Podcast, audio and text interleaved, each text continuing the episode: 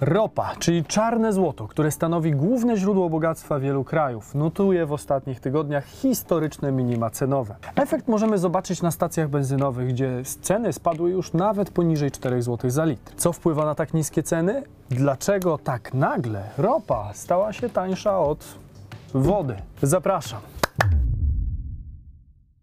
Cześć, tutaj Damian Olszewski i witam Was na kanale, na którym rozmawiamy o pieniądzach ludzkim językiem. W tym odcinku opowiem Wam, dlaczego ropa stała się swoistym gorącym kartoflem w rękach wielu państw oraz dlaczego pomimo tak niskich cen samej ropy, paliwo w Polsce nadal jest droższe niż być powinno. Wydobycie ropy naftowej dla wielu krajów jest głównym produktem eksportowym gospodarki. To właśnie dzięki niej kraje na Półwyspie Arabskim mogły rozwinąć się do poziomu, który obecnie obserwujemy. Przykładem mogą być miasta takie jak Abu Dhabi czy Dubaj z najdroższymi ekskluzywnymi hotelami oraz największą liczbą egzotycznych aut na metr kwadratowy. W czasach przed epidemią światowy rynek ropy naftowej wydobywał 95 milionów baryłek dziennie, co przekłada się na jakieś 4,76 miliardów ton surowca i to w czasie jednej doby. Przyznacie, że to całkiem spora ilość jak na prognozowanie przez wielu wyczerpujących się źródeł. Dane pochodzą z 2017 roku, ale rok do roku wahały się zaledwie mniej więcej w okolicach 2-3%. Aby dobrze zrozumieć sytuację na rynku, powiedzmy sobie, kim są najwięksi gracze. Do niedawna prym w wydobyciu wiodły dwa kraje. Rosja oraz Arabia Saudyjska i odpowiadały one za wydobycie aż 25% całej światowej produkcji. Od wynalezienia sposobu wydobycia ropy z łupków to Stany Zjednoczone stały się główną potęgą i przejęły blisko 20% rynku dla siebie. Kraje arabskie oraz biedniejsze kraje z Azji, Afryki czy Ameryki Południowej złączyły się w jedną organizację nazwaną OPEC+, przedstawiając wspólną politykę naftową, gdzie liderem jest oczywiście Arabia Saudyjska. Wiemy już zatem, od kogo głównie mamy ropę naftową. Następne pytanie brzmi, dlaczego jest ona tak ważna dla gospodarek na całym świecie? To dzięki jej rafinacji mamy paliwa we wszelkim transporcie lądowym, morskim i lotniczym. To dzięki niej możemy produkować asfalt, czyli drogi, smary, a półprodukty pochodzące z przetwórstwa ropy naftowej spotykamy w zasadzie na każdym kroku.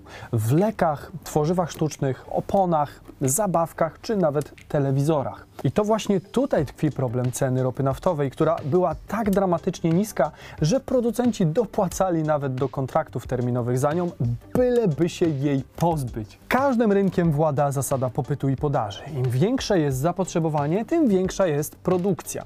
Obecnie przez pandemię wiele gospodarek przeżyło swoisty lockdown, czyli zamrożenie niemal wszelkich sektorów gospodarki. Począwszy od Kowalskiego, który nie używał auta do dojazdu do pracy, po producentów, którzy musieli zamknąć wielkie fabryki, gdzie używali pochodnych ropy naftowej. Ogólnoświatowy popyt spadł zatem nagle o 30%.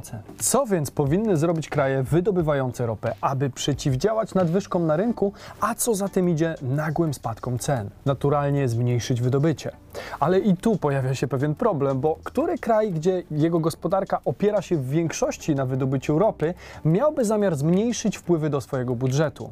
I to jeszcze w dobie kryzysu. Na początku roku miały miejsce rozmowy pomiędzy Arabią Saudyjską i Rosją o zmniejszeniu wydobycia, by zachować cenę na podobnym poziomie. Niestety Rosja, mająca już kryzys gospodarczy zapasem, nie zgodziła się na takie rozwiązanie i powstała wojna cenowa obu państw. Wydobycie zamiast zmaleć wzrosło, powodując dużą ilość nadmiarowej ropy, której odbiorcy nie byli w stanie przetworzyć, a wydobywcy magazynować. Mimo wszystko najwięcej na wojnie cenowej traciło oczywiście Stany Zjednoczone, których metody wydobywcze są po prostu kosztowne. Po cichu mówi się również o celowym działaniu obu naftowych potęg w celu wyeliminowania ze stołu trzeciego gracza. Gdyby taka sytuacja miała miejsce zbyt długo, Stany musiałyby się wycofać kompletnie z nieopłacalnej metody wydobywania, ponosząc przy tym sporą klęskę gospodarczą. Ropa uzyskała historyczne minima cenowe na rynku 21 kwietnia, spadając poniżej 20 dolarów dolarów za baryłkę, gdzie trzy miesiące wcześniej cena wynosiła blisko 70 dolarów. Na rynku powstał swoisty impas przy kupnie kontraktów na ropę na maj i czerwiec. Surowca było na tyle dużo, że wydobywający nie mieli już gdzie go pomieścić. Dopłacali wręcz do baryłki ropy odbiorcom w kwocie sięgającej 30 dolarów. Magazyny rezerwy, a nawet tankowce do przewożenia ropy były wypchane po przysłowiowy korek. Dlatego możemy porównać tutaj handel ropą do gry w gorącego ziemniaka, którego nikt na dłużej nie chce przytrzymać, aby nie stracić jeszcze więcej. Rynek powoli zaczął się normalizować na koniec kwietnia, początek maja, gdzie jako mediator sporu wkroczyły zgadnijcie kto? Stany Zjednoczone. Aby ich przemysł wydobywczy zupełnie nie upadł, po prostu musiały interweniować. USA, nie mając innego wyjścia, zgodziło się przyjąć na siebie ograniczenia wydobycia i przekonało Rosję do przyjęcia sugerowanych rozwiązań grupy OPEC. Co Stany zaoferowały Rosji w zamian? Możemy się jedynie domyślać, ale mogło być to choćby luzowanie sankcji gospodarczych. Po uzgodnieniach kraje postanowiły, aby wydobycie dzienne spadło aż o 9 milionów baryłek, co stanowi 10% dotychczasowego wydobycia. Ceny na światowych giełdach powoli się odbiły od najniższej wartości notowanej od czasów II wojny światowej. Jeśli więc dostawcy dopłacali wręcz do kontraktów, to dlaczego ceny na stacjach w naszym kraju nie spadły powiedzmy do 2 zł za litr najpopularniejszej 95. Musimy tutaj odpowiedzieć na kilka ważnych pytań. Po pierwsze, na co składa się cena benzyny na stacjach? Pełne rozbicie ceny paliwa możecie zobaczyć w tym odcinku. Natomiast w dużym skrócie powiem Wam, że w cenie litra tzw. 95 tylko 40% to koszt samej ropy przywiezionej od wydobywcy i rafinowanej, aby nadawała się do silników. W zależności od ceny na danej stacji około 3 do 7% to marża koncernu paliwowego. Łatwo więc zauważyć, że ponad 50% ceny to podatki, które płacimy w cenie benzyny czy oleju napędowego na rzecz państwa w tym podatek akcyzowy, opłata paliwowa, podatek emisyjny oraz podatek VAT. Wielkość baryłki to 159 litrów, więc kupując baryłkę po cenie nawet dzisiejszych 42 dolarów, mamy cenę jedynie 26 centów za litr. W złotówkach daje nam to nadal cenę poniżej 1 złotego za litr czystej ropy.